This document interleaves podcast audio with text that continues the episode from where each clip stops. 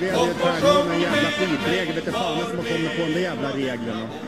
Fan, ska de kunna göra mål när de har en avvaktande utvisning eller? Han 4-2 mot Frölunda. Fantastiskt skön seger. Berätta om matchen. Nej, men jag tycker det, det är bra från början till slut och uh, vi kommer verkligen ihop idag. Det är en underbar publik här hemma, liksom. men de, de är ju lite kräsna också. De kan sin hockey. Liksom.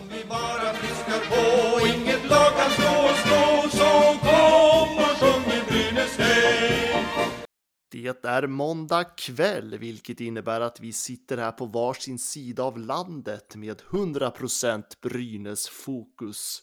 Hur har din vecka varit, Fredrik? Upp och ner får jag ändå säga. Ehm, I mina, i mina känslor. Representationslagen har ju ehm, eh, gett mig två helt olika sidor av Brynäs kan man väl säga. Hur har din vecka varit? Ja, men jag, jag tar ditt svar där. Det har varit väldigt mycket upp och ner. Eh, sargade förhoppningar under matchsituation har det också varit. Och, mycket sånt. Eh, sen om man tittar på resultatet, imponerande glädje ska jag väl säga. Och eh, sen har det också varit frustration. Och precis, om man ska ta något avsnitt från förra året så handlar det om två lag. Eh, och det ena laget skänker glädje och det andra laget lite hmm. Precis så är det. Och eh, så att, nej, men och vi kommer ju gå in på det tänker jag. Men först så måste vi tacka alla våra underbara Patreons som vecka in och vecka ut ser till att den här podden faktiskt blir av. Och vill du också vara en del av Patreon, ska man ska säga, Patreon-communityn, så där lite fint, så laddar du ner Patreon-appen eller går in på patreon.com och söker på Brynäspodden. Och där kan du välja olika nivåer som du kan stötta oss i. Och det billigaste alternativet det är 15 kronor i månaden. Och det är inte mycket pengar. Det är det inte. Och det är, man kan få ta del av väldigt, väldigt mycket för den lilla pengen. Vi försöker ju ändå att hålla nivåerna så, så jämna som möjligt för att det ska vara lite rättvist. Eh, men vi vill inkludera alla såklart. Så är det absolut. Eh, och det är den lägsta nivån, men man får ganska mycket ändå för det. Och ja, det kommer komma mer under hösten också. Sen får vi inte heller glömma att vi har ju även en, eh, en liten merch store nu också. Precis, och det är ju våran samarbete med podstore.se. Om du går in där och så söker du på Brynäspodden. Jag tror till och med att vi dyker upp på första sidan. Uff. Ehm, för mig så hamnar vi dock bredvid en Leksand-podd så att jag blir lite bekymrad över det. Men eh, gå in där så finns det jättefina merch. Det finns alltifrån en assnygg mugg som jag bara är förälskad i och sen finns det också hoodies och t-shirt och en tygpåse. Har jag glömt något Fredrik? Nej, det tror jag inte. Det är ändå spännande hur vi har eh, jobbat fram den här merchen lite och det är ju t-shirtar och det är hoodies och det är tygpåsar men det enda du och jag har snackat om är den här muggen ja men det är muggen vi vill ha och sen ja. så, det var väl egentligen så det började, att vi vill ha en mugg och sen var det några av er lyssnare som skrev till oss och sa att kan vi inte få en t-shirt också? Precis. och, sen, och, sen, så när vi hörde av oss till Podstor så sa Podstor, men ska ni inte ha det här också? Okej, okay, sa vi. Och eh, nu står vi där eh, med grejerna, så att det är liksom ett bra sätt att eh, spon sponsra, eller att säga, stötta podden, att köpa de här produkterna och eh, så att det finns både där och sen så såklart vill vi också att vi, det är inte så att vi vill konkurrera mot Brynäs-shoppen utan man ska alltid stötta Brynäs IF i första hand. Så inte någon tror att vi har någon egen liten shop här. Nej, precis. Vi är ett uh, snyggt alternativ bara. Samlat Skellefteå-försvar, Jakob Silfverberg. Men vilket mål han gör! Vilket mål han gör, Jakob Silfverberg! Nu har han gjort flest mål i en SM-finalserie, ett SM-slutspel tiderna. Men vilket mål han gör! Men jag tycker vi går direkt in på matcherna som har varit och vi börjar med vårt representationslag på damsidan. 14-0 på två matcher, Fredrik. Ja, det är helt sjukt. Det är faktiskt helt sjukt. Är det inte lite värt att, ge, att ta, till, ta till sig klacken nu också? En applåd menar du? En applåd, eller klacken, ta vad som helst, kör bara! Amen.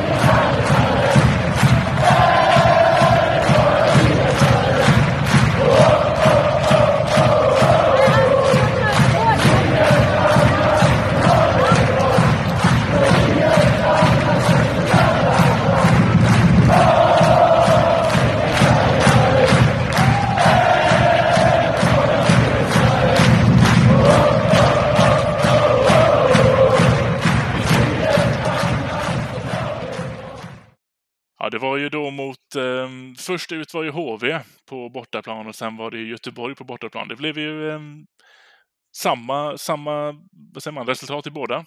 0-7. 0707. Uh, ja, vad, vad, säger man efter sådana? Alltså det är ju liksom en uh, super, alltså, superhelg uh, ja. bland damerna och uh, och, det är ju liksom de, för, de väntade spelarna som också stod för poängproduktionen också. Ja, det blev ju några stycken att räkna in på kontot för de som, eh, som verkligen hade fart på, fart på grejerna. Det var ju såklart Maja Persson och Lara Stalder som låg eh, i framkant. Eh, men vi har ju även ett, eh, ett litet gömt hattrick mitt i det här också. Ja, faktiskt, för det var ju, nu ska vi se så att jag, jag blandar ihop de här 07-matcherna här känner jag, men det var ju mot eh, Göteborg, borta i Göteborg där och som eh, jag tyckte det var lite tråkigt att man skrev om Maja Nylén Persson efter den matchen. De flesta har ju liksom fokuserat på det, men Denisa Krisova har, gjorde ju faktiskt hattrick den gången, så jag tycker vi borde lyfta fram henne lite extra mycket. Ja, precis. Maja gjorde ju ändå, hon fick in fyra poäng den här matchen, vilket ju då är ett poäng mer än Kristova, men Kristova stod ju för målen. Så att eh, det och det är faktiskt det som räknas lite mer. Absolut, och tittar man helgen överlag, jag menar Maja Nylén Persson stod ju nästan bakom varenda mål, höll jag på att säga. Eh, särskilt mot Göteborg, men hon gjorde också, jag tror det var två mål mot HV71 och mm. eh, någon assist gjorde hon där också. Ja, hon fick ju in sju poäng av 14 möjliga. Hon var inblandad ja. i hälften av allting Brynäs gjorde framåt den här helgen. Det är ju... Vad ska man säga ens? Ja, det är helt otroligt. Det är, ja, det är makalöst. Och Lara Stalder är ju inte mycket sämre heller. Hon visade ju sig för första gången nu. Ehm, hon stod ju bland annat för första målet där mot, eh, ska vi se, det var väl HV71. Precis. Gud, jag, jag känner, vi pratar om båda matcherna samtidigt nu. Ja. jag, ja, men jag tror att vi ändå kan göra det, för jag tror, det var ju liknande matchbilder båda och båda, eller samma typ av spelare steg fram. Det var... Um, det är lite som jag varit inne på tidigare, det är ju en, en väldigt utspridd liga där det är några topplag och de andra lagen får egentligen kämpa om att inte komma sist. Eh, och nu har ju Brynäs mött de två lagen som, som kommer att ligga och halva lite i botten och då blir det lite sådana här matcher. Så är det. Och det, vad ska man säga, det blir ju liksom... Det är lite av SDHLs svag, svaghet skulle jag nästan vilja säga. Eh, det är ju det här att spänningen i matcherna finns ju inte riktigt där om man ska vara helt ärlig. Nej. Eh, alltså Brynäs är såklart mycket bättre än Göteborg.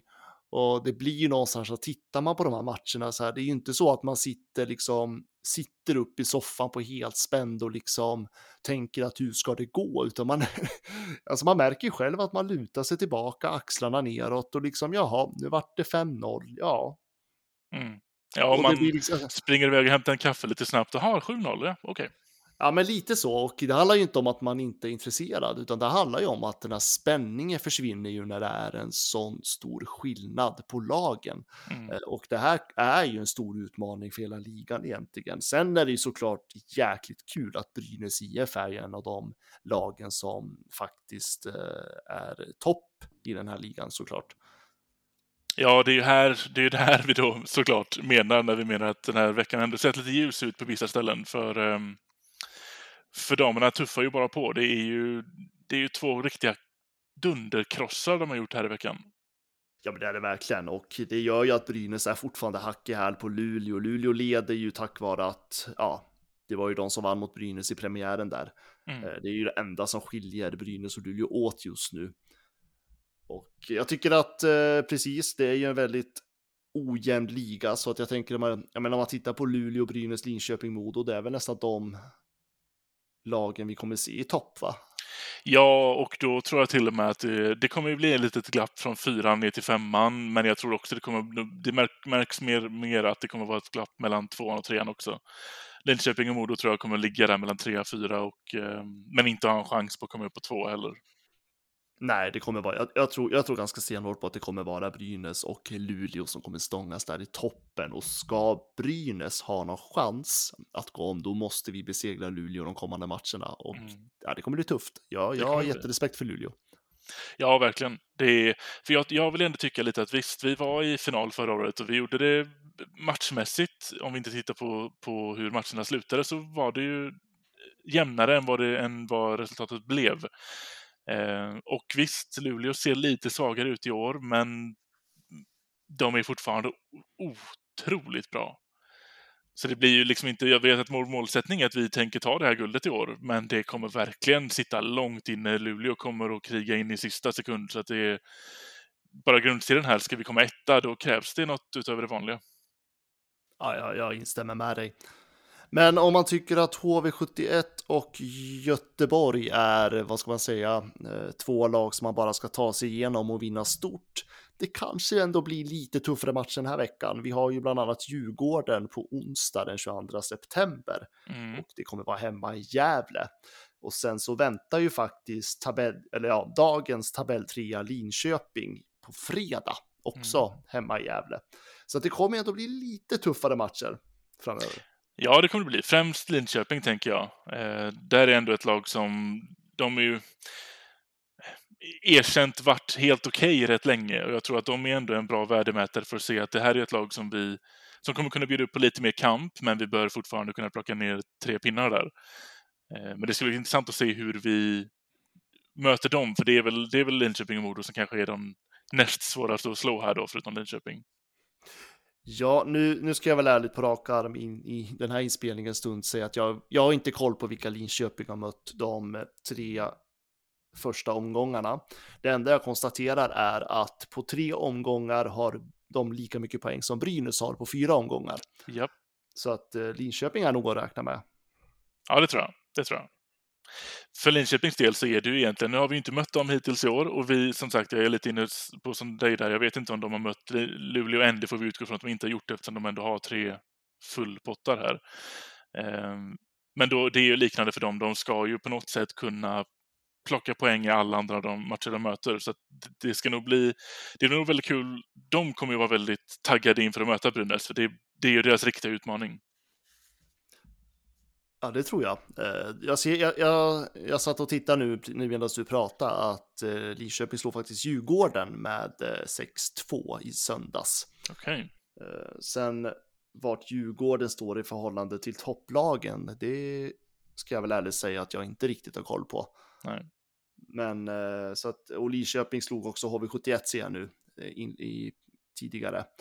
Så att det är inte lika mycket som Brynäs dock. Så att det, ja, jag, jag, Brynäs kommer ju såklart vara favorit i den matchen, men kanske lite tuffare än Göteborg i HV71 i alla fall. Mm, mm. Jag tror att det är nyttigt för dem också att kunna få... Jag tror ju att Brynäs Djurgården kommer kanske inte bli 7-0, men det kommer nog bli en rätt övertygande vinst. Jag tror att det är kanske till och med bra för dem att få möta Linköping och de sprattlar ifrån lite och att det kanske är jämnt in i tredje eller så, här, så att man ändå får känna att det här är motstånd och vi måste tänka på hur ska vi ta oss runt det här för att ta hem tre pinnar. För det behö den övningen behövs in för att kunna agera likadant mot Luleå. Nu kommer jag säga någonting som låter skitkaxigt. Uh, ursäkta om det är någon som blir sur, det tror jag inte. Det är väl bara brynäsare som lyssnar på den här podden. Men uh, det hade ju också varit lite bra om uh, Brynäs fick nöta lite mer försvarsspel också. Ja, ja, så är det. Om du förstår vad jag menar.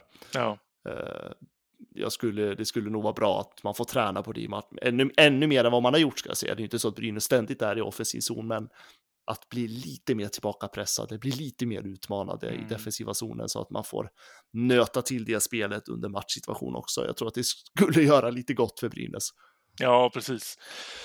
Precis. Hittills har vi ju verkligen fått finslipa och, och ändå med stor framgång kunnat använda offensiven och den, den sitter ju. Den, eh, det är ju rätt klart efter de här matcherna som har varit, eller den här inledningen för att de har spelarna som behöver komma igång har kommit igång. Nu krävs det även att uh, målvakteriet ska få, uh, ska få testas och pressas. Ja, backar, målvakteriet. Jag tänker också liksom nu höll jag på att säga symbios, jag menar, jag menar samarbetet mellan backforwards i, i försvarszonen också. Ja jag tycker ändå att eh, det, det brister ju lite där Brynäs om man ska vara något lite negativ mot dem. Eh, och äh, jag skulle vilja se lite mer det, men som sagt, man, man måste ju möta motståndare som är liksom jämbördiga också för att det spelet ska liksom komma till. Ja. Eh, Så att jag, hopp, jag hoppas lite grann att uh, Djurgården och Lidköping utmanar lite mer där. Från ingenstans Leif, det går inte! Han gör mål! Vilka handleder, vilken spelare! Sen har vi ju då vårt kära SHL-lag som blandar och ger måste jag säga. Och till och med du och jag hade en liten Twitter-konversation där när Mm. du, jag, jag tror att du skrev lite affekt såklart och jag ska ju vara en sån här äh, tråkig besserwisser som ska korrigera dig. Eh, Ja, men jag står nog ändå fort- fortfarande kvar på den lite. jag förstår inte hur du kan göra det. Nej men alltså har, har, har du glömt hur det såg ut förra vintern? Nej. Till och med när jag inte har glömt det så känner jag likadant ändå. Jag ska ska väl förklara för de som inte hänger med mig på Twitter. Jag tyckte att Timrå-matchen var en av de sämsta sakerna jag har sett. Ett, det sämsta ett lag har spelat ishockey på, på många år. Jag, jag, oh vad arg jag var. Ja, du var, du, du, du, du var jättearg. Ja. Men, men, men jag fattar, jag, jag köper inte det där alltså. Nej, jag är med på att det har sett illa ut förr. Alltså vi har ju för fan spelat matcher där vi knappt har fått hållt pucken. Ja. Och då, ja, och jag vet, jag vet. jag, jag, jag, förstår, jag förstår inte det. Ja, Nej, och det- därför är jag helt förvånad. Jag är jätteförvånad över att vi ens får in. Det? det? Vi fick väl två tröstmål mot uh, Timrå. Ja, det fick vi. Det fick vi. Eh, Två helt ju- oförtjänta tröstmål, tycker jag. Mm. Eh, Och jag sa ju till dig innan vi spelade in den här att jag har ju nästan glömt bort Timrå-matchen. Jag tror att jag bara liksom har försökt att, vad säger man, Jag förtränger den. förtränga det, tack. Eh, Så att jag var tvungen att liksom så här få återuppleva de här hemska minnena och kolla på highlights. Men eh, ja, ska vi försöka ge någon form av vettig analys då, istället för att vi ska gnälla på varandra? Eh, ja, det, det, det kanske vi ska göra. Eh, jag vet att första, första... Mm, Både, I båda matcherna så är jag med på att Brynäs går ut bra. Det gjorde vi även mot, um, mot Frölunda i premiären. De första minuterna, Classic Brynäs, så är vi snabba ut och det smäller i sargerna, men sen går det känns som att det går väldigt snabbt att läsa av Brynäs hur vi tänker spela den här matchen. Och vissa lag hanterar det på olika sätt. Eh, Timrå tog över det efter åtta minuter fick vi tror jag. Mellan åtta och tio minuter tror jag vi spelade hyfsat. Sen var det bara... Sen vill jag inte ens prata mer. ja, men vi, inledde ju ändå eh, rätt, väldigt höll jag på att säga, rätt starkt. Ja, skarpt. Eh. Borde ha gjort något mål där. Ja, eh, sen var det väl, eh, du ska vi se, var det Albin Lundin i Timrå som gjorde mål där efter halva tiden av första perioden? Och Mm, I powerplay ska väl tilläggas också. i powerplay ska tilläggas. Och eh, ja, det kanske, väl, kanske var ett mål som jag inte riktigt vet om vi verkligen skulle ha släppt in alla gånger. Men, men, men eh, det, det hände i alla fall och sen så hände någonting med Brynäs och eh, ja, det såg inte bra ut. Nej.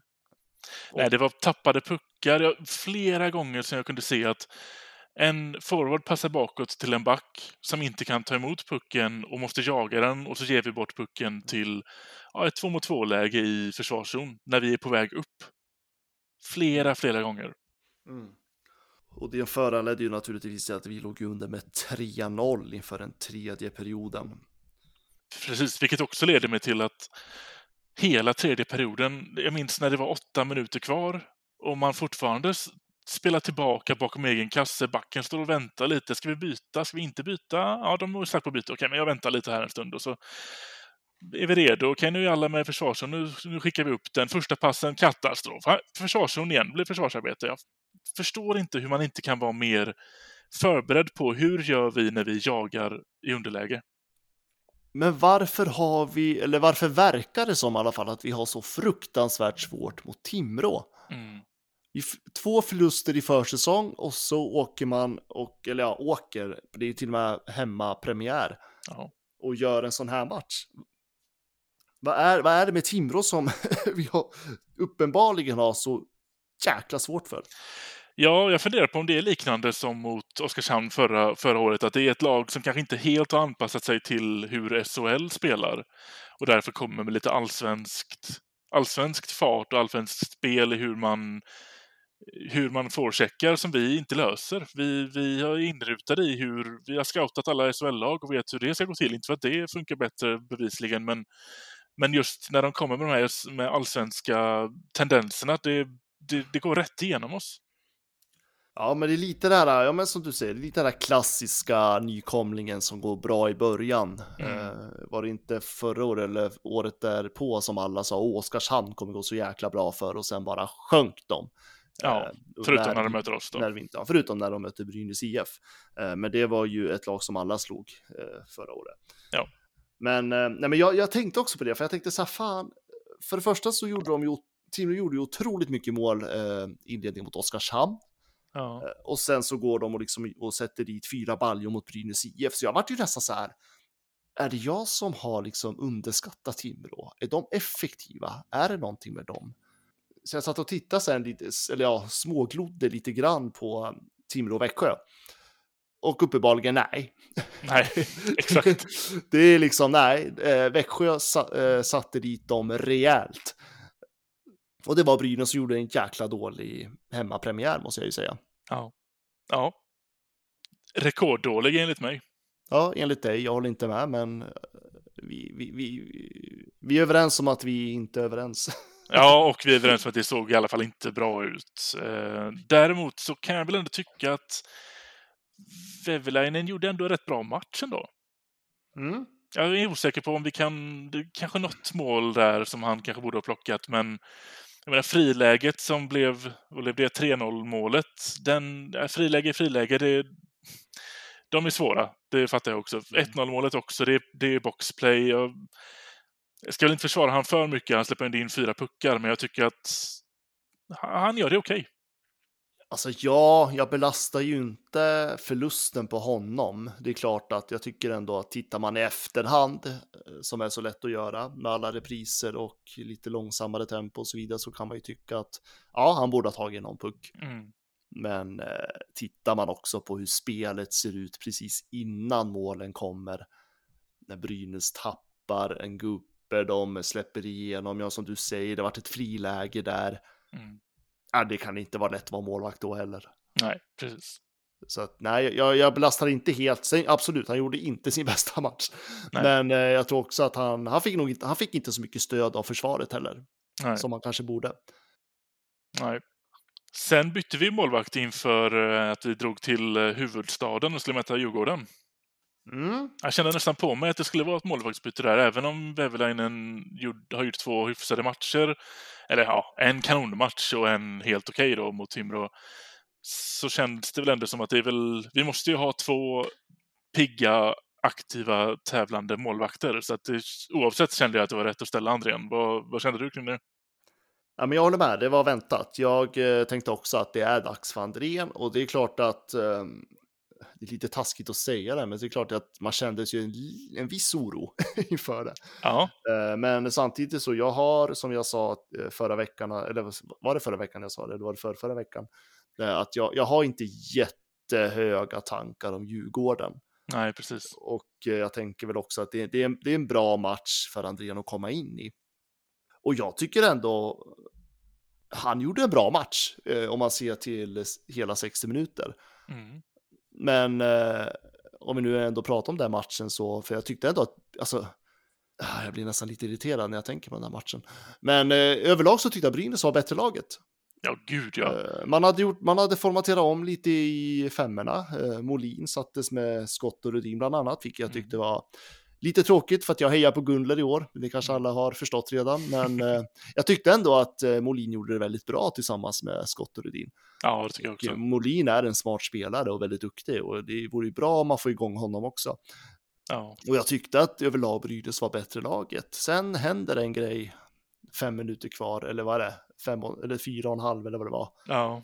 Eh, där Müller åker på en jättedum situation och får matchstraff. Och tillsammans med hela laget är det som att Andréns väldigt bra spel, måste jag ändå säga, försvinner. Ja, för det är lite som du säger, jag tycker ändå att det ska man inte glömma i både första och andra perioden så gör han ett par riktigt svettiga räddningar. Det hade inte stått 2-0 till oss om, vi inte, om inte Andrén hade varit på tårna den matchen. Åtminstone de första två perioderna. Och 15 och en halv minut in i tredje. Nej, jag tyckte också, alltså en av Andreas stora liksom bekymmer enligt mig, det är ju att han är ju otroligt duktig på att släppa returer. Mm. Och det vet jag att det sa ju till och med Växjöskribenten, eh, och gud, vad heter han, William Westerman tror jag han heter, på Svenska fans. Han sa ju det till mig när Brynäs värvade honom att det här är en målvakt som släpper många returer, var beredd på det. Mm. Men eh, jag tyckte liksom ändå att fan, han, han, han fångade in puckarna ändå mer än vad han brukar göra just Ja. den här matchen. Det var en väldigt eh, stor grej jag också tänkte på. Antingen fångade han in dem eller så gick de, styrde han ut dem i, i eh, kortsargen. Det tyckte jag gjorde väldigt bra. Och det är liksom, och just det här, och jag tror någonstans att sättet man förlorar den här matchen på, det är väl det som man gör liksom så här, man får lite så här, ah! Ja. ilska just för att jag tycker att Brynäs var det bättre laget. Brynäs förtjänade tre poäng.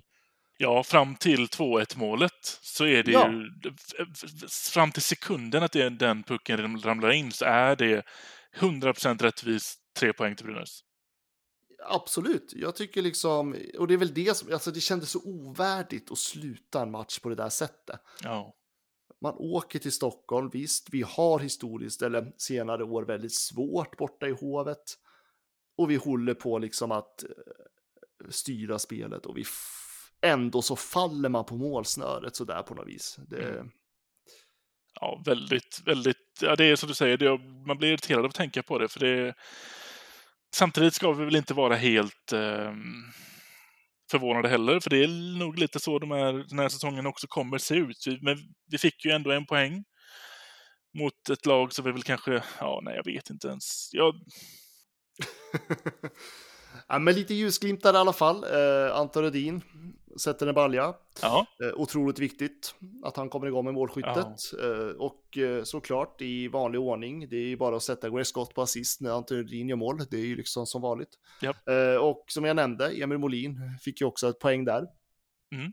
Väldigt roligt. Jag tycker liksom det är bra att just de här kommer igång. Och den vinkeln, har du sett reprisen på den? Ja, det har jag gjort. Det är ingen Gud, ja. vinkel. Nej, det är det verkligen inte. Men otroligt viktigt. Och jag tycker att från och med där så tycker jag att Brynäs ändå har matchen på något vis. Ja. Och sen i slutar ju såklart eh, andra perioden mållös.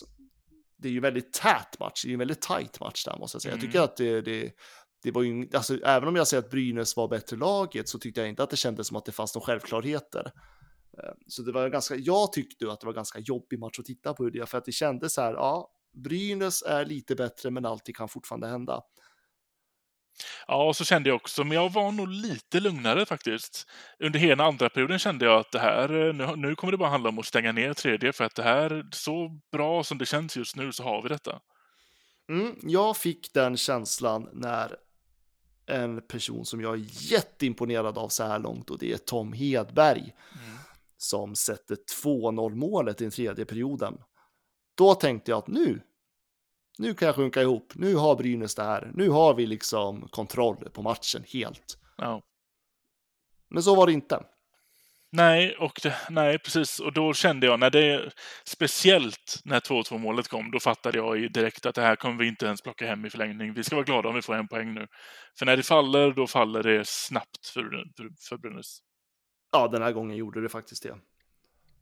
Men alltså, jag vill, jag vill stanna upp vid Tom Hedberg. Får jag göra det? Ja, absolut. För att jag var så kritisk till honom förra säsongen. Och eh, kan ju bero på att det såg ut som det gjorde i hela laget också. Mm.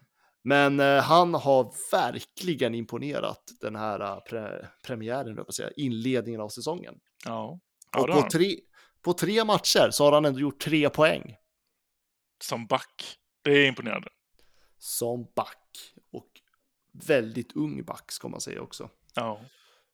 Och jag tycker också när man ser honom på isen, det är ju det är ett helt annat självförtroende den här säsongen än vad han stod för förra året.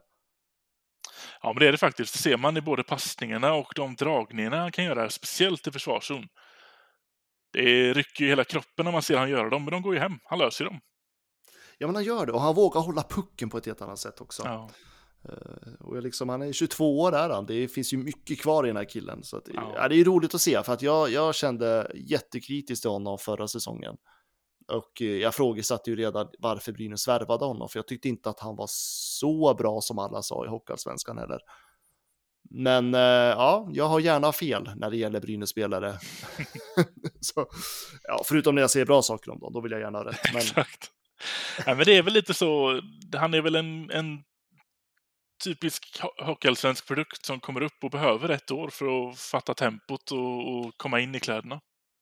så är det ju faktiskt. Och ja, ja jag, hade väl kanske inte det tålamodet förra vintern heller, men det var ett sargat läge också, det ska man komma Mm. ihåg. Men jag tycker ändå liksom när man tittar, visst, vi har två förluster bakom oss. Men jag tycker, alltså, jag, nu, får du, nu får du såklart skrika på mig om jag har fel här. Okej, Men jag känner, ja bra, men jag känner inte den här paniken som jag gjorde i fjol. Jag tycker att Brynäs uppför sig på ett helt annat sätt. Man håller i pucken mycket, man har ju mycket, mycket, mycket mer puckinnehav till exempel än vad man hade i fjol. Eh, Det är någonting i spelet som jag känner liksom att, ja men de kan nog lösa det här ändå. Visst, det är två förluster, det, det, ja, det är ju såklart, man vill ju inte godkänna det på något vis, men jag får inte den här känslan att okej, nu går det åt fadders här. Nej, och den är jag med dig på. Jag tycker ändå att spelet generellt ser väl lite bättre ut. Jag pratar inte om Timrå-matchen nu, jag vill inte prata om den mer. Men med det sagt så tror jag det hänger ihop lite med att jag tror att våra förväntningar är lägre på dem i år också. Och att de då spelar på det sättet de gör nu är kanske en positiv överraskning för oss. Det kan det nog eh, stämma in för att förra året så pratade vi om i alla fall slutspel Exakt. inför den här säsongen och i år så pratar ju alla, ja men bara vi överlever. Ja, Det kanske finns någonting som stämmer i det. Men jag tänkte också på, för jag, lyssn jag lyssnar ju på otro otroligt många hockeypoddar. Eh, jag tror att det här var Sportbladets podd. Nu får någon kanske höra av sig och rätta mig om jag har fel, men jag har för mig att det var Sportbladets podd med, vad är det, Thomas Roos och Hans Abrahamsson, mm. där också Dick Ackels Axelsson eh, var med. Och eh, jag fastnade på, han sa ju där, fast väldigt snabbt, att eh, när de pratade om Brynäs där inför säsongen, eh, då sa ju Dick Axelsson att när man mötte Brynäs så kändes det som att det här är ett lag som redan har gett upp. Ja.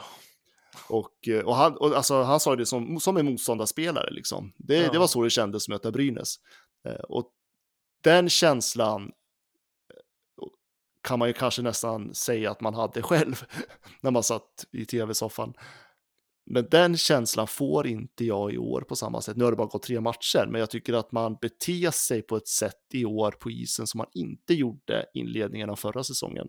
Mm. Och jag tycker att det ändå bådar lite positivt. Ja. ja, det gör det. Och samtidigt så tror jag att det är den känslan vi har är, och även den som finns inom laget som gör att vi får den bättre känslan.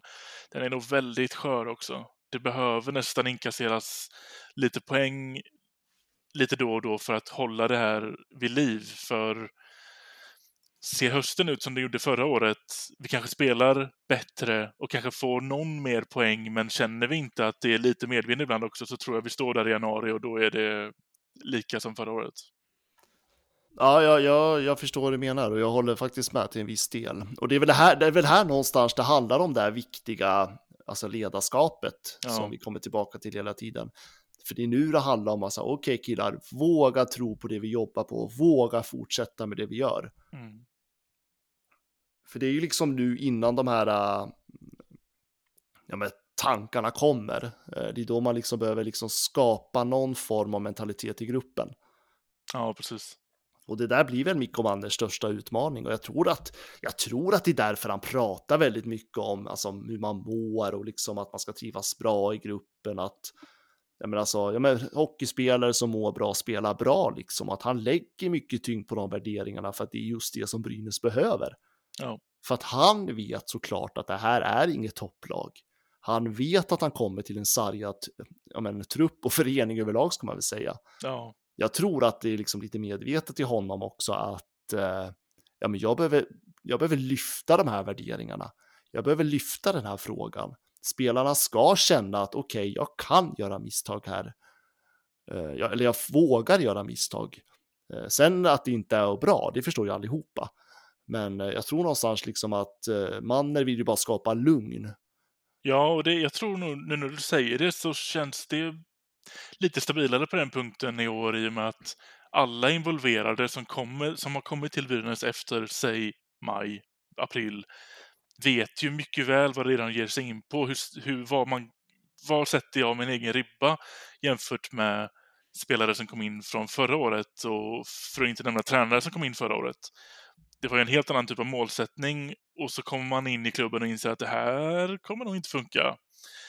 Eh, nu i år så tror jag alla är medvetna om att det är väldigt, det är väldigt tunt, det är väldigt skört och det är det, de förutsättningar vi jobbar ut efter. Jag tror inte Mm. att det var den inställningen man hade när man gick in i, i förra året. Då var det ju mer jobbar vi hårt nu så kanske vi kan skrälla och komma, komma rätt långt i slutspelet. Det Ja, snackar man ju inte om i år. Nej, jag tänker också signalementet man gav. Alltså, gud, det ibland, ibland känns det dumt att bara sitta och jämföra så här, men om man jämfört med höst, eller förra hösten och vintern ska man säga. Jag tyckte sign- signalementet utåt var ju mycket statistik. Ja, För kommer det, vi pratar ju mycket om det. Eh, Man pratar mycket statistik och liksom så här, nej men, men alltså statistiken säger att det här kommer lösa sig. Det var liksom det som Peter Andersson sa ut i media i princip. Eh, Och nu kommer vi en tränare som säger liksom, vi ska må bra på jobbet. Vi ska lyckas, vi ska klara av det här tillsammans. mm, Jag tycker att det är helt andra signalement utåt. mm, Och det skapar ju någon form av förtroende. Och kanske också att spelarna känner att det här är en tränare som står bakom oss. Ja, precis. Sen, absolut, det kommer ju inte göra Brynäs till topplag. Det kommer inte göra att vi kommer tampas i ett slutspel och definitivt inte gå vidare. Men det kanske är tillräckligt för att vi ska slippa kvalet och det är det enda vi kräver i år. Ja, det här året handlar väldigt mycket om att överleva inför en säsong där vi kan gallra fullständigt. 14 spelare som sagt står ju med sitt sista år på kontraktet just nu. Så det handlar ju om att skapa en, en, en stabil grund för att kunna skapa någonting bättre nästa säsong egentligen. Åh, det, alltså, det är ett helt sjukt läge som Brynäs står inför då. Mm. Det är tre fulla femmor som ska bytas Ja, ut. jag vet. Alltså, det måste ju vara varje sportchefs våta dröm. Alltså. Och bara så här, jag kan sätta hela min prägel på den här truppen. ja. Och då får ju Johan Alsen och Erika Gram verkligen visa vad de faktiskt går för. ja. Då kan de inte skylla på någonting. Nej, det kan man inte. Speciellt inte när vi alla, det är ju ingen hemlighet heller att Brynäs spelarbudget är tillräcklig för att komma, ja, definitivt slutspel. Alltså, vi ska ha en budget för slutspel. Och ska Ja. vara helt krasst, tittar man bara på pengar, vi ska fan ha budget för semifinal, minst. Precis. Ehm, och det är ju det som är lite frustration också. Men vi kommer väl prata mycket om det där till våren, tänker jag. Mm. Men du, en spelare som jag ändå vill lyfta fram, jag tycker ändå att vi ska vara... Alltså, min liksom, jag vet inte, nu höll jag på att säga nyårslöfte, men mitt eh, nysäsongslöfte är att jag ska försöka lyfta fram mer positivt kring Brynäs, för att jag tyckte Mm. att jag kände mig så gnällig förra vintern. Med all rätt dock. ja, kanske det. Men eh, Nick Olesen, Ja, spännande. Mm. Eh, Jag måste ändå säga att eh, visst, han har inte liksom, står fortfarande poänglös, Mm. Vill jag säga nu. Nu har jag bara minnet i huvudet, eller hur? Minnet. Ja, nej, men det är min på. känsla också i alla fall. Vi får kolla upp Ja, det här. ja, men jag ser det. Jo, nej, men han har inte gjort någon poäng, men jag Ja. tycker ändå liksom att han, alltså, det finns något i han ändå. Ja. Jag tror nog att för han växa sig in i SHL så tror jag fan att det här kan bli bra. Jag tror också det. Speciellt, han är en starkt byggd spelare. Han, är, han har rätt fysik, det tror jag definitivt på. Ja, han är ju, han är ju lång. Ja, Det måste jag man säga. ser han på isen. Ja, ja, ja, det gör man. Eh, Och liksom, han har, han har öga för skytte liksom. Att det, det saknas bara att han skulle få till det där, släppa in, eller få det där första målet, liksom spräcka nollan. Ja. Sen vet jag liksom inte riktigt, jag har inte just nu riktigt framför mig vart han kommer liksom hamna i slutändan med vilken kedja och så vidare. Nej. Eh, Han har ju provat runt lite. Ja, precis. Den, eh, den kommer faktiskt bli rätt spännande att se vart man placerar honom. För det är ju lite... Jag är lite dubbel där kring, så som du nämnde, att man testade med Molin i första kedjan. Jag gillade det. Det tyckte jag såg bra ut. Men, men man vill ju ha in Gunle där. Så då har vi redan de två att välja på. Olesen är också ett alternativ. Men han kanske får komma på tredje plats då i och med att vi ändå har... Det såg bra ut med Molin. Jag har, eh, röstar helt för att fortsätta köra på det. Men byter man till Gunler så är jag lika glad över det också. Så är det absolut. Eh, Jag, eh, som sagt, jag tror stenhårt på Gunler i år. Och jag tycker Molin är ingen dålig spelare heller. Men sen att Olesen behöver hitta sin plats också. Någonstans. Och, eh, men sen är det väl så. Alltså, men jag, tycker, jag, förstår varför man inte sätter honom i första kedjan ändå. För att både Gunler och Molin har ju liksom mer erfarenhet på SHL-nivå. Ja. Eh, Och, eh, men Nick Ol- Olesen, han är, det, det jag såg av honom, i alla fall mot Djurgården, så tyckte jag ändå liksom att det fanns mycket positivt där. Eh, Så att, det vore jäkligt kul om han fick näta snart. ja, för nu har även Gunler fått näta sin första. Ja, det har han och jag tror stenhårt på att det kommer bli mer. Ja, det tror jag med. Men om vi blickar framåt då, Mm. veckan som är, så tittar jag på våra kommande motståndare och jag känner att håll i hatten. Verkligen. det, det är Brynäs mot Växjö som gästar Gävle på torsdag. Och sen är det Skellefteå som kommer till Gävle på lördag. Vad har du för förväntningar? Jag har inga förväntningar på eh, några poäng, tyvärr. Eh, jag har däremot förväntningar på att jag hoppas att spelare som, är, som har visat att man, att man är på hugget, Gunnar Rödin, Skott till exempel, att de ändå fortsätter att plocka poäng på något, ett eller annat sätt. För mål vill jag fortfarande se. Jag tänker inte bli nollad av någon av de här matcherna. Det är båda hemmamatcher. Något, någon liksom positiv kurva ska de fortfarande få gå uppåt på, tycker jag. Eh, men jag har inga förhoppningar på, på poäng. Det är ju två lag som har blandat och gett, ska jag väl ändå säga, så här i Mm. inledningen av säsongen. Främst Skellefteå i alla fall, va? Främst Skellefteå, sen är det alltså, det går ju knappt att göra en analys efter tre omgångar, det är ju liksom, det, det går inte. Men de, efter de här tre omgångarna har de blandat och gett, främst Skellefteå. Och, eh, men, eh, jag har svårt att se, i alla fall mot Växjö. Ja, den tror jag kommer bli väldigt kämpig. Ja, jag, får, jag får den känslan, jag måste ändå säga det. Jag tycker att eh, Växjö, jag håller i Växjö högre än vad jag gör Skellefteå. Ja. Och eh, jag tycker att, eh, nej, det kommer bli tufft. Jag har alltid, oftast alltid en bra känsla av att möta Skellefteå dock. Jag vet inte om det... Jag tror jag har haft det sedan 2012. och ibland, det brukar ofta vara målrika matcher. Ja, men jag tänkte säga det, det brukar ju bli ändå roliga matcher mot Ja, så det känns ändå, det är ändå någonting som fortfarande känns... Jag är inte rädd för att bli överkörd av Skellefteå, för det tror jag inte vi kommer bli. Det tror jag dock att det finns en risk att vi blir av Växjö. Men mot lördagsmatchen mot Skellefteå tror jag kan bli... Att vi kan hänga med rätt länge i alla fall. Och sen, sen har ju de kanske lite bredare, eller lite högre kvalitet generellt på hela sin trupp. Och det är väl det som kommer falla, falla avgörande tror jag. Men, men det ska bli en, kul- kommer bli en kul match att se. Ja, men det är ju både en bredare, alltså jag tänker bredare trupp och högre kvalitet på de flesta positioner. Ja. Sen är det också, det är en trupp med bättre självförtroende, så är det. Ja. Eh, Brynäs, vi håller ju liksom på att reparera någonting, Växjö håller på att liksom bygga någonting. Eh, eller snar, snarare underhålla det de har i Ja, organisationen. Så att det är liksom, ja, men det är tidigt på säsong och det är ju verkligen så här, allt kan hända. Så att jag, jag, jag stänger inga för, dörrar för att vi inte kommer vinna de här matcherna, men eh, det kommer bli, ja, det kommer bli tufft. Mm. Jag tycker att man ska ha en stabil, en, en tydlig första keeper och en andra keeper som ändå ska få spela relativt mycket, gillar jag när man, när man, som man planerar så. Men, men de här båda matcherna är svåra matcher där vi ändå kommer under, under vissa perioder i matcherna kunna se att här trycker vi på nu så har vi faktiskt en chans att plocka poäng, kanske till och med vinna. Så jag tycker på förhand så här att Väverläinen ska stå båda de här matcherna. Mm. Jag eh, håller faktiskt med dig där.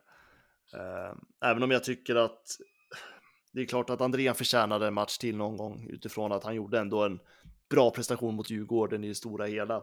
Ja. Men eh, om jag inte missminner mig helt så väntar ju faktiskt Oskarshamn efter de här två mötena. Stämmer. Eh, jag vet inte om det skulle vara en bättre match för Andrén och stå Men eh, nu är det ju inte jag som är tränare och det kanske vi ska tacka gudarna för också. Det gör vi. Det gör vi verkligen. Men ja, nej, jag håller med dig där. Och, men däremot så tycker jag att man ska fortsätta köra på Scott, Rödin och Molin, även om jag tycker det är synd att man inte kör Gundler där. Mm. Eh, det var kul att se Molin med de där, att man provar det, fortsätter med den. Ja, precis. För han, det känns också som att Molin vet vi... Både Gunler och Molin kan ju vara väldigt bra när de är bra och väldigt osynliga när de inte är bra. Men, men jag vill ändå tycka att Molin vet vi vad vi kan... Han har en högre lägstanivå, så kan vi säga. Jo, men det har han. Men det blir spännande. Jag tror, att, jag tror ändå att det kommer bli ganska tajta matcher. Jag tror inte att Brynäs kommer bli så jävla överkörda. Nej. Viktigt också att fortsätta med Gunler i första uppställningen i PP. För ska han inte få vara i första kedjan, då ska han definitivt få vara i första uppställningen i PP. Ja, men det tänker jag också.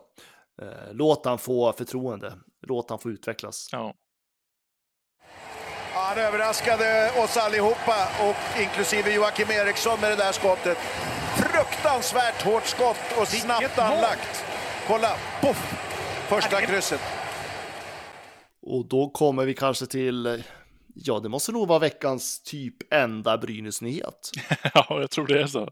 Det är, alltså det är väldigt tyst om Brynäs nu. Har Ja. du tänkt på det? Ja, det är... Det är, ju, det är ju knappt så att vi får kontakt med dem på kansliet. Nej, faktiskt. Det, Eh, jag, vill, jag vill tolka som att de jobbar hårt. Det är det enda jag vill tolka. Ja, Men eh, den enda, ny, den enda Brynäs-nyheten, i alla fall den stora nyheten är i alla fall att frågan om Patrik Berglund är över. Inte juridiskt, men för Brynäs IF. Parterna är överens om att gå skilda vägar och bryter därför kontraktet. mm. Vad fick du för tankar när den här nyheten kom? Ehm, jag funderar lite på vad det är som har pågått i bakgrunden, för det är väl ingen... Det är ingen nyhet att Brynäs har lutat åt att det är så här det kommer sluta. Men att vänta till, så här, till att säsongen ens har börjat, tänker jag, det här borde man kanske ha vetat och kanske jobbat lite mer inför redan tidigare. För med tanke på att han låser ändå upp en del av spelarbudgeten. Han, han, jag räknar iskallt med att han är topp tre dyrast i laget. Eh, och att vi hade kunnat använda de pengarna till någonting mer spännande. Mm. Ja, vi pratade om det här redan i våras och redan då hade vi uppgifter om att eh, parterna är muntligt överens om att komma överens om att avbryta kontraktet. Precis. Eh, och det stämmer ju tydligen då. Eh, men sen så är det väl säkert detaljer och förhandlingar i det på något vis. Ja. Eh, och sen, men sen fick jag höra, och vilket jag sa, ja, var det förra veckan? Där eh, just det här att man inväntar den juridiska processen då, och det gör man ju tydligen inte för att Nej, den är ju precis. inte klar. Nej, det är också därför jag tänker, har man, tänker man inte invänta den nu, varför, invänt, varför, varför gjorde vi inte det här för en och en halv, två månader sedan? Eller i alla fall en månad sedan? Ja, men kan det inte vara så enkelt att parterna inte varit överens om vissa detaljer? Ja, det, det är väl det. Jag hoppas att det är det. Så att det inte är någon eh, lägre prioriterad fråga, att vi vet vad som kommer hända, men vi kan ta det lite senare. För det är just den här budgetfrågan jag tänker på. Vi, vi kommer vilja binda upp de pengarna på något annat. Om man har pengarna. Ja, det är ju det också. För vi kan, är, är det så att Brynäs har köpt ur Berglund, Mm. då tror jag inte att vi har så jäkla mycket pengar kvar. Nej, det borde vi inte ha. Då borde vi faktiskt inte ha något spelrum alls kvar. Nej, och eller är det så att Brynäs tänker att okej, men vi har förlorat så jäkla mycket kapital i resten av föreningen att vi kanske behöver hålla de här pengarna och ha lite Ja. is i magen. Eller är det så att man eh, vänder sig till Erika Gram och Johan Alsen och säger nu får ni kolla på AHL här för att vi har fått pengar över. Ja. Ja, vilken härlig mening. ja, tyvärr så ska ni inte tro på den meningen. Och om en vecka är det ändå dags för att släppa in publik med. Ja, men precis. Men eh, så att vi vet ju inte. Det kan ju vara liksom för nu är inte jag en stjärna på arbetsrätten, men eh, det jag har förstått är ju att Brynäs har ju, har ju behövts följa arbetsgivaransvar som man så fint säger, Mm. vilket innebär att ska de bryta det här avtalet och gå ut med och säga att nu är inte den här spelaren med i klubben längre, då måste Patrik Berglund också godkänna det på något vis. Mm. Så har jag förstått det. Och det innebär ju att parterna behöver någonstans förhandla i det där. Ja, precis. För att man har ju ändå skrivit ett avtal med varandra och det avtalet behöver ju följas. För att det är ju så här att de får inte bryta det avtalet på de här grunderna så länge Patrik Berglund inte ens är dömd för någonting. Nej, precis. Så att ja, och sen eh, vad det är som har gjort att man går ut med det nu, det vill inte klubben kommentera. Nej. Ju mer man tänker på det, ju mer känns det verkligen som att det är en del pengar involverat här. Det tror jag absolut. Eh, dels så tror jag att Berglund tänker att han, alltså nu, det här är bara killgissningar på hög nivå från våran sida ska vi väl säga. Mm. Men eh, jag kan ju tänka mig, det är klart att eh, Berglund blir av med jobbet. Mm. Han vill väl såklart tänka liksom på, ja, men jag har ju ändå ett kontrakt och jag förlorar väldigt mycket pengar på det här. Eh, Ja, och med hans ålder och, och senaste säsongens meriter så, så är det ju inte ett nytt storkontrakt han kommer landa högst troligt. Om, om, man nu, fortsätter. om man nu kommer fortsätta, ja, precis. Så det kan ju vara att det har handlat om det. Ja, Och sen vad det är som har gjort att det har tagit en hel sommar på parterna att komma överens, ja, det kommer vi nog aldrig få svar på. nej, det finns risk för att den eh, kommer nog begravas, den konversationen. Men oavsett så är det ju en stor lönebudget eller lönepost som faktiskt Brynäs, eh, som detta för Brynäs, om det inte är nu så är det ju till nästa år. Ja. Ja, vi lägger den på hög mer och bara fler och fler positiva saker inför nästa säsong. Ja, men lite så. Ja, men det här är ju en säsong, vi ska bara överleva, sen ska vi lyfta. Det är ju liksom, det är så jag tänker när jag tänker Brynäs nu. Ja. Eh, Och Berglund-frågan är löst eh, och någonstans vill jag bara känna att nu vänder vi blad, går vidare. Eller vad säger du? Ja, men faktiskt, det är, ehm, hela, hela 2020, 2021 känns som att vi, vi sikt, nu, är, nu är det väldigt nära 2022 här. Det är, det, som, det är fokus snarare än vad som har hänt. För nu det som har hänt, det har hänt. Eh, det har varit en turbulent sommar. Nu är nästa säsong igång. Det är den som är fokus. Vi behöver inte bry oss om vad, om vad som hände förra egentligen, utan nu är det, handlar det bara om att inte komma näst sist eller sist. Nej, men så är det. Eh, Men det är klart att eh, får vi kontakt med någon av sportcheferna så kommer vi såklart ställa frågan, tänker jag. Absolut. Men jag tror med 99,99% chans att de inte kommer svara på frågan. Nej, vi får nog vara beredda på det. Och jag tror att man tänker någonstans att det har med respekt för alla parter inblandade på något Ja. vis. Eh, Så att ja, jag vet inte. Ibland är det ju svårt att bestämma vad är, det, vad är det vi supportrar och fans behöver veta och vad är det vi inte behöver veta egentligen. Ja. Jag tror att det finns väldigt deliga, delade meningar i det. Ja, och sen vet jag inte hur mycket det spelar in på, kanske inte påverkar så mycket, men på något sätt sitter ju fortfarande ändå Unicef och lyssnar. Ja, så är det. Och andra sponsorer, hur hanterar Brynäs detta fortfarande? Ja, och det där är också, det där med Unicef är också spännande, för det får vi inte heller veta, för det finns ju någon eh, sekretess som parterna kom överens om i det där. Mm. Även om jag fick någon liten hum om att parterna när- närmade sig varandra innan sommaren, men det får vi se. Ja. Speciellt på de vita dräkterna, det märkte jag direkt på, på bortamatchen, eh, premiären här mot Frölunda, att den, speciellt när det kommer till de vita dräkterna syns det väldigt mycket att det sitter en vit lapp på bröstet istället. ja, jag hoppas att det är sån här vit lapp som bara, okej, men vi kan snabbt som attan sätta tillbaka Unicef-märket. Exakt, cardboard bara så, tjoff bort den.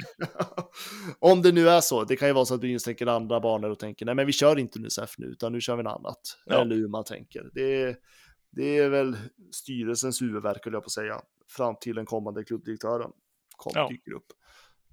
Vilket inte är så långt borta heller. Det är väl, eh, ja nästa vecka blir det. Mm. På fredag nästa vecka. Det är det. Men jag tänker att vi ska, vi ska låta honom landa lite i föreningen innan vi bjuder in honom på en intervju. Mm. Vad tycker du om det? Ja, men lite kött på benen kan han få, så han vet, eh, så han kan vara utförlig i sina svar till oss. Ja, jag vet att jag gav ju Campesa ett halvår. Ja, det var generöst. Ja, det var generöst, men, eh, ja, men innan jul ska vi ändå ha en. Ja, det tycker jag. Ja, det måste vi ha. Men allvarligt talat Leif Boork, du håller på med hockey i 600 år. Hur skjuter karln? Hur skjuter han? Han skjuter väldigt bra, han skjuter väldigt hårt, han skjuter väldigt pricksäkert. Men är det inte dags för ditt favoritpunkt eh, punkt på programmet, Fredrik? Jo, det tycker jag. Frågestund. Jajamän, och det är ju så att genom våra sociala medier, eh, det är på Twitter och Facebook, så kan man ju alltid ställa frågor till oss, eller vi ber om frågor rättare sagt, inför varje avsnitt. Och som vanliga så är ju ni sjukt duktiga på att komma in med frågor till oss och vi försöker väl svara på det mesta. Det är inte alltid att vi har vare sig programtid eller tillräckligt med kunskap för att svara på alla frågor, men vi försöker. Ja, vi, om vi, och precis, om vi inte kan svaret så är vi duktiga på att eh, köta kring det. Ja, ja, ja, och ibland kan vi till och med titta upp det själva. Ja, ska precis. väl sägas också. Så lata är vi inte. Men vi gör väl så att vi börjar i vanlig ordning med det man har att finna på Brynäspodden på Facebook. Mm. Eh, vill du min herre ta Facebook då, så tar jag Twitter. Det tycker jag. Då har vi Urban på Facebook har skrivit Är det inte dags att omvärdera spelarna? Det har pratats om att Brynäs lag på pappret är ett bra lag de två senaste säsongerna, men det är väl tydligt att det på pappret inte stämmer. Är spelarna överskattade, eller vad säger ni? Handen på hjärtat. Alltså det där är en bra fråga ändå. Ja. Måste jag ändå säga. Ehm, ja, vad säger du Fredrik? Handen på hjärtat? Ja. De enda jag kan tycka att vi inte kan, inte, inte jag vill ifrågasätta är ju Rudin och Scott. Resten tycker jag är lite för mycket dagsform. Det är väldigt mycket upp och ner och när de är så bra då ser det så jäkla bra ut och då är det klart vi kommer klara det här och när de inte ser bra ut då ser det ut som Djurgården mot Timrå. Och då är vi ett bottenlag, allsvenskt lag typ. Så att jag, ja, jag tycker nästan att förra säsongen var mer av ett bevis på att visst, pappret har, eh, pappret har fel ibland. Man är ju inte bättre än sin egen dagsform. Nej. Eh, rent krast. Och eh, nej, alltså, men det, det är väl lite därför man tippar Brynäs lågt också. Mm. Dels tror jag, alltså jag tror ju absolut att det finns stora psykologiska effekter i det här eh, utifrån hur den resa som Brynäs har gjort, utifrån hur rörigt det har varit runt om spelarna. Men absolut, alltså. Vi har inte kvaliteter för att spela i topplagen. Det Nej. finns inte den kvaliteterna i laget. Och det är väl lite därför, jag vet att jag sa väl där på slutet av i våras att eh, vi har 14 spelare ute kontrakt nästa år, kicka alla. Ja. Ja. Nu, nu vet jag inte om, ja visst, man kan behålla någon, men någonstans är vi ska bli bättre lag. Vi har inte de lagen, det laget. Nej. Vi behöver in nya spelare. Det är därför jag säger kicka alla. De har för höga löner, presterar för lite. Ja, ska vi bygga nytt? Ja. Ska vi ha en ny kultur? Ja. Ska vi starta en ny mentalitet? Ja, men då behövs det nog nya, nya själar i gruppen. Ja. ja, och för att bara inte titta på hela föreningen som inte står på isen, den är ju i princip nästan helt utbytt. Så då har vi en chans att göra det även på isen och sen är vi en ny förening. Så är det. Ja, sen är det någon som skriker, men vi behöver kontinuitet. Absolut, och det kommer vi ha nästa år också, för vi Redin är kvar i alla fall. Ja. Eh, Scott, nu vet jag inte, har han ett år kvar eller är det hans sista på kontrakt? Ja, bra jag, fråga. Nu vart jag, shit, hur länge har han varit här nu? Nej, det här är hans sista år på kontraktet. Ja, okej, okay. ja, du ser. Eh, frågan är om man tänker att man ska förlänga med honom. Mm, får se. Mm. Eh, det är klart, han, presterar han fortfarande på topp, vilket poängmässigt han faktiskt gör, ja, han, han om någon då kanske man kan förlänga med. Eh, men överlag, det, vi behöver bättre spelare.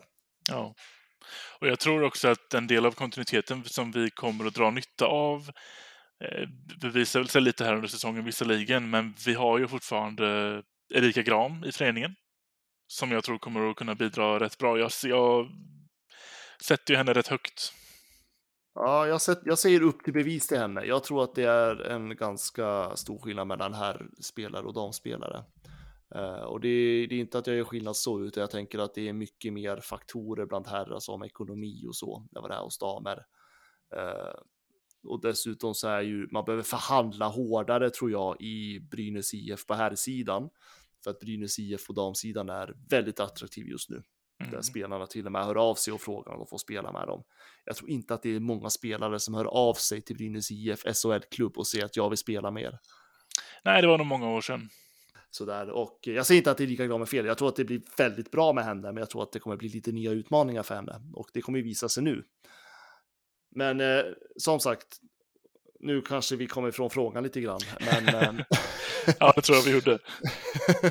men ja, jag tycker det är en bra tanke. Eh, det där på pappret är ju ett ord som jag vet att alla hockeykunniga egentligen avskyr, för det på pappret säger ingenting. Det är ju din dagsform och din form under säsongen som faktiskt avgör. Mm. Sen om du gjorde 50 poäng för två år sedan, ja, det var då. Exakt. Hockey, hockey är färskvara, så att eh, det, det är en bra tanke. Jag håller med. Alvin har skickat in en fråga också. Jag tror att vi har be- besvarat den delvis, men det var en del här som jag tyckte var intressant. Ehm, han frågade lite kring Andréns insats, eh, Rödin Scott Molin-linan, men det jag fastnar här för är hur, hur tycker vi att Mikko hanterade ledningen mot Djurgården?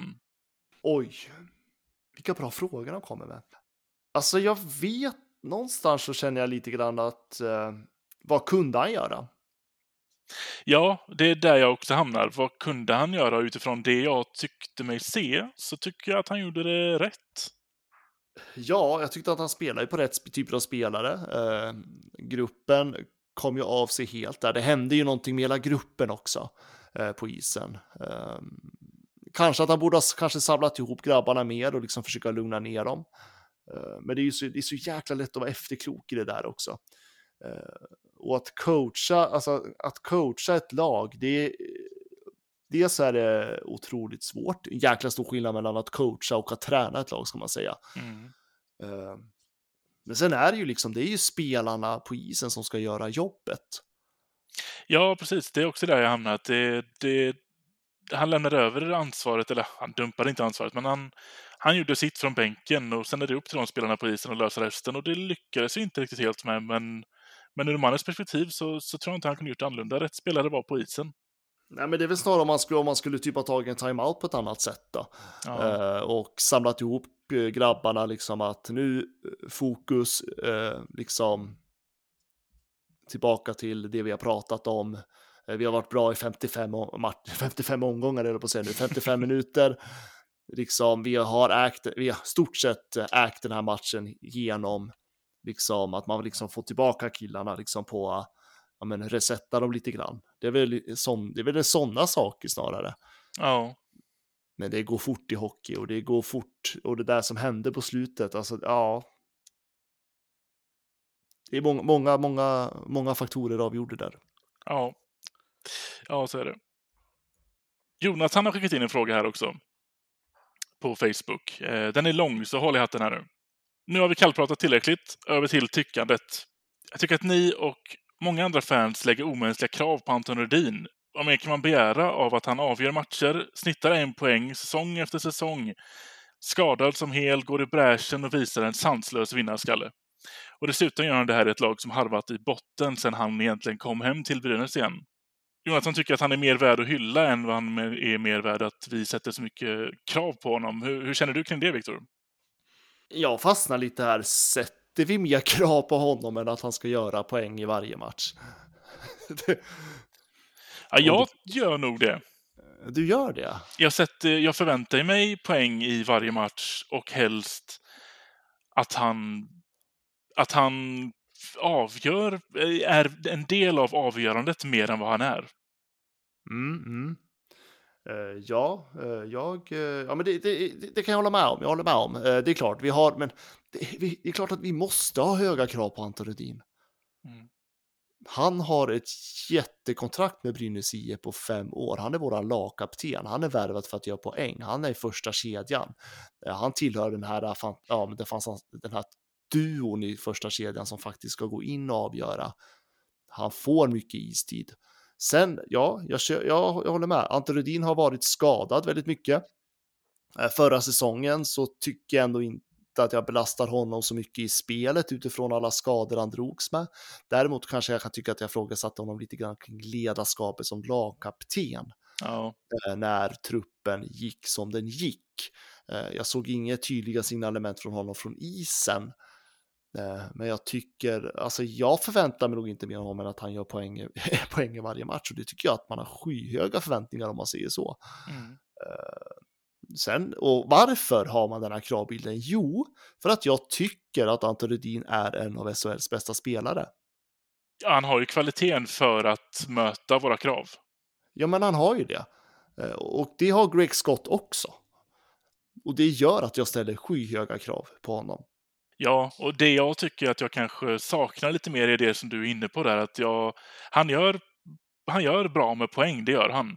Um, men just när det inte går lika bra så vill jag se honom mer bidragande i ledarrollen. Det, det vet vi inte. Han kanske är det i omklädningsrummet eller på bänken mer än vad vi ser. Det är bara den, det är det kroppsspråket jag ser och den känslan jag får av att studera honom på isen så lever han kanske inte upp till de ledaregenskaperna som jag vill kunna se. Kanske inte, alltså inte den typen av lagkapten som jag tänker att en lagkapten ska vara. Sen säger inte jag att Anton Rudin är en dålig lagkapten, absolut inte. Eh, men sen, jag, jag kan väl nästan hålla med i frågan ändå, för att det låter ibland som att man bara pratar krav på Anton Rudin och glömmer bort hur fantastisk hockeyspelare han faktiskt är. Men han, han, får bära, han får bära ett tungt lass i Brynäs. Ja, det får han verkligen göra. Och jag tänker också det som jag sa inför, ja det var väl första avsnittet den här säsongen, är ju att eh, trots att han var så pass skadad som han var, och jag tror stenhårt på att Anton Rudin hade ont när han spelade i kvalet också, Mm. eh, så han gjorde ändå 29 poäng på 35 matcher. Jag tycker det är bra om man spelar skadad. Ja, det tycker jag också. Så att jag liksom, jag tycker någonstans att poängmässigt så producerar Rudin vad jag förväntar mig av honom, men jag har höga förväntningar av honom och det är för att han är en fantastisk spelare. Ja, frågan är väl mer ifall, ifall det är omänskliga krav eller inte, men det tror jag ändå vi är överens om att det tycker jag inte att vi har. Nej, absolut inte. Anton Rudin ska vara på den här nivån i SHL.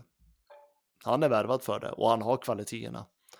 Eh, Det enda bekymret som är, det är om han håller sig skadefri eller inte. Ja. Det var de frågorna vi har på, på Facebook. Hur ser det ut på vårt Twitterkonto? På Twitterkontot att Brynäspodden har vi också fått in några frågor. Bland annat Erik Bokvist som frågar så här. Hur ska man hitta effektiviteten?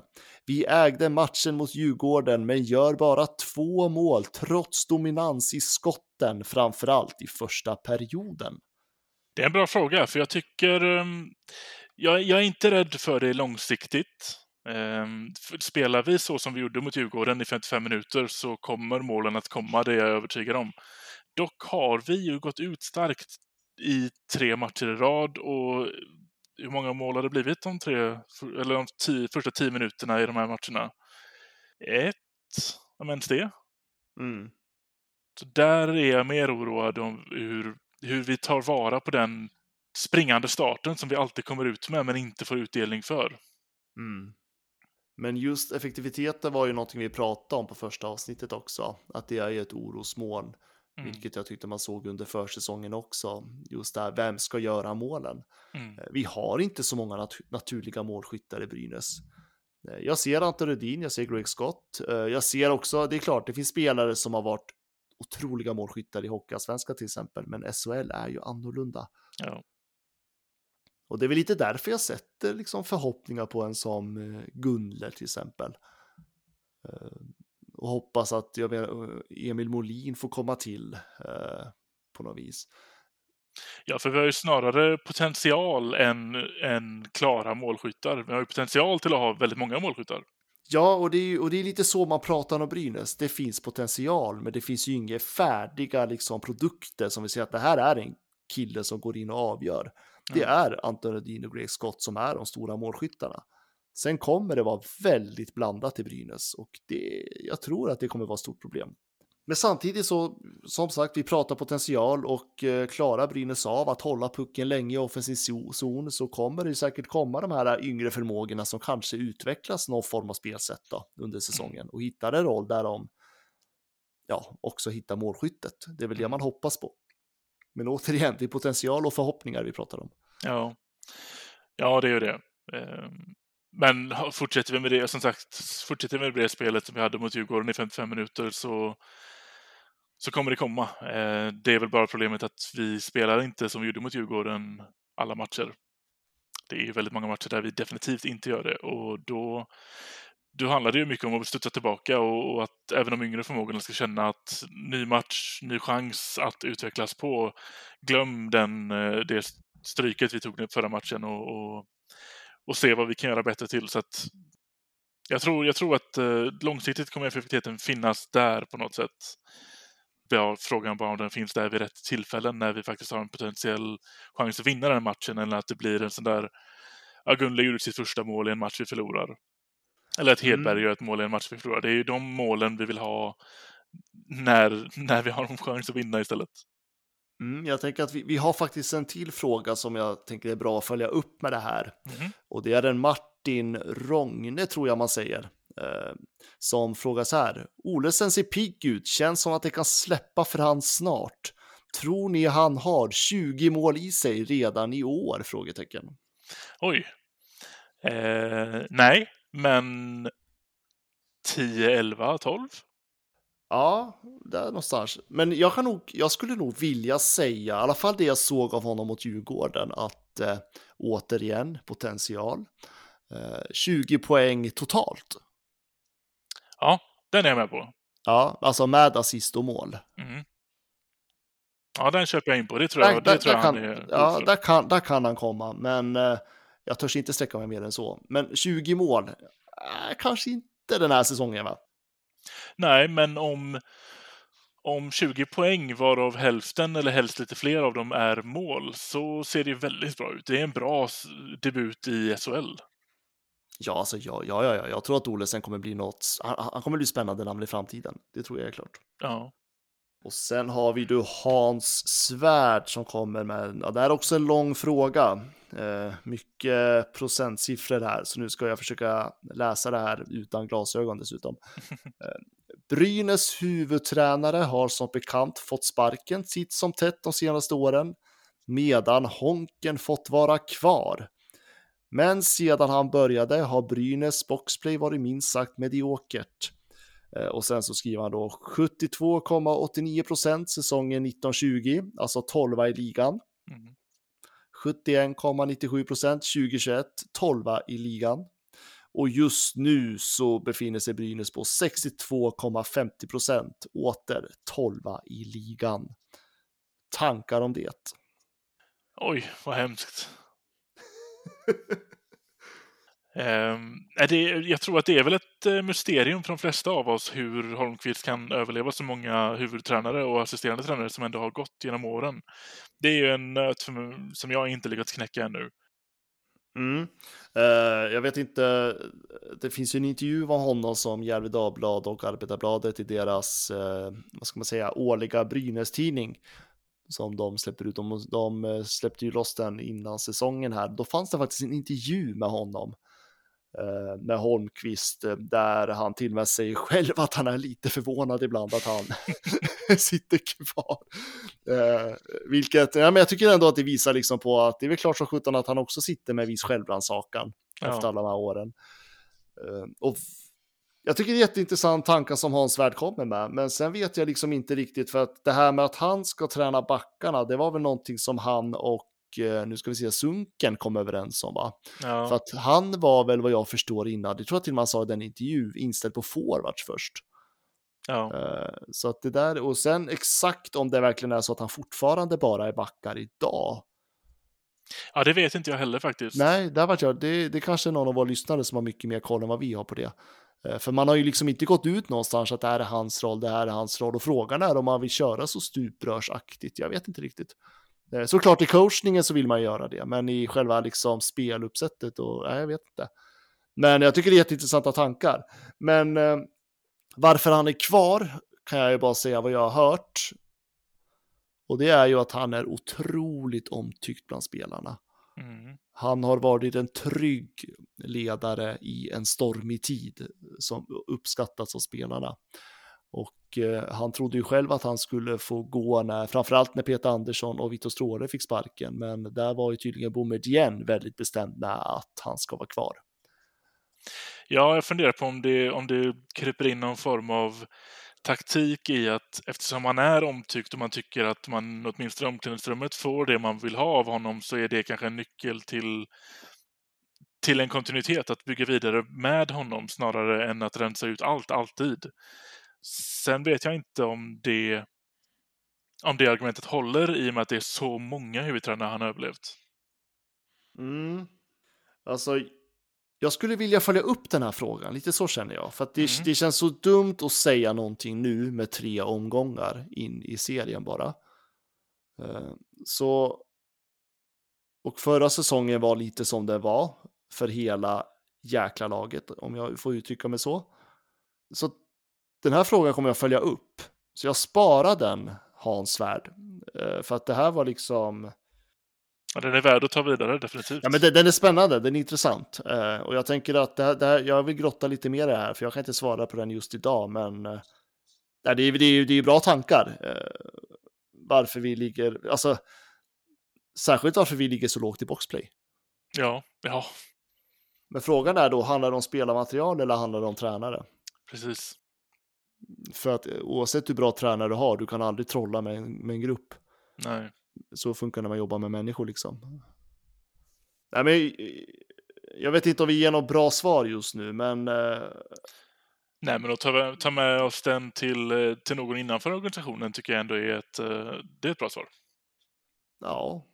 ja men det, det, jag, det jag vill, alltså frågan jag är får liksom hur ser fördelningen ut bland eh, tränarna och ledarstaben nu? Vad man kommer överens om. Mm. Eh, och det, ja, det är klart, han coachar ju backarna under match. Men backar gör ju inte hela boxplay. Nej. Nej, det är bara hälften. Nej, det, det här ska vi följa upp. Det här har varit jätteintressant. Mm. Eh, det kanske är någon variabel som du och jag missar just nu. Eh, Men jag tänker att vi, jag, jag, jag vill gräva lite mer i den här frågan. Ja, men det är bra. Det tycker jag vi ska göra. Ja, men det var en bra fråga. Det var verkligen så här. äh, Jag har inte tänkt på att Brynäs har varit så dåliga i boxplay så länge. Så att det var, det var mest det som jag kände, jag varit lite nyfiken på nu. Ja. Och det var alla frågor. Jag ser att tiden går bra över en timme just nu. Sen får du klippa ihop det här Fredrik och, Ja. eh, och få sova gott sen höll jag på att säga. Men eh, det var väl allt för den här veckan. ja, det har inte hänt så mycket mer. Det är matcherna som har varit och de, eh, och de härliga frågorna vi får varje vecka. Gud, det känns som att det här var ett avsnitt vi svamlade väldigt mycket kändes det som. Men eh, det, det får bli så ibland. Det är, veckorna går och eh, det är nya matcher nu och förhoppningsvis så blir vi ännu gladare nästa vecka. Ja, det får vi hoppas på. Tack för att ni har lyssnat och på återseende. Ta hand om er. Eh, Visst var det mål? För de, de ringer Ja, på det ja, nu, ja. men visst Ja, var den ja, ja. inne? Det, det har ju repriserna i någon mening visat. Va? Ja, ja, ja. Men de ska ringa för säkerhets skull. Och Här kommer Sören Persson ut och dömer mål, ja. Då är det bekräftat.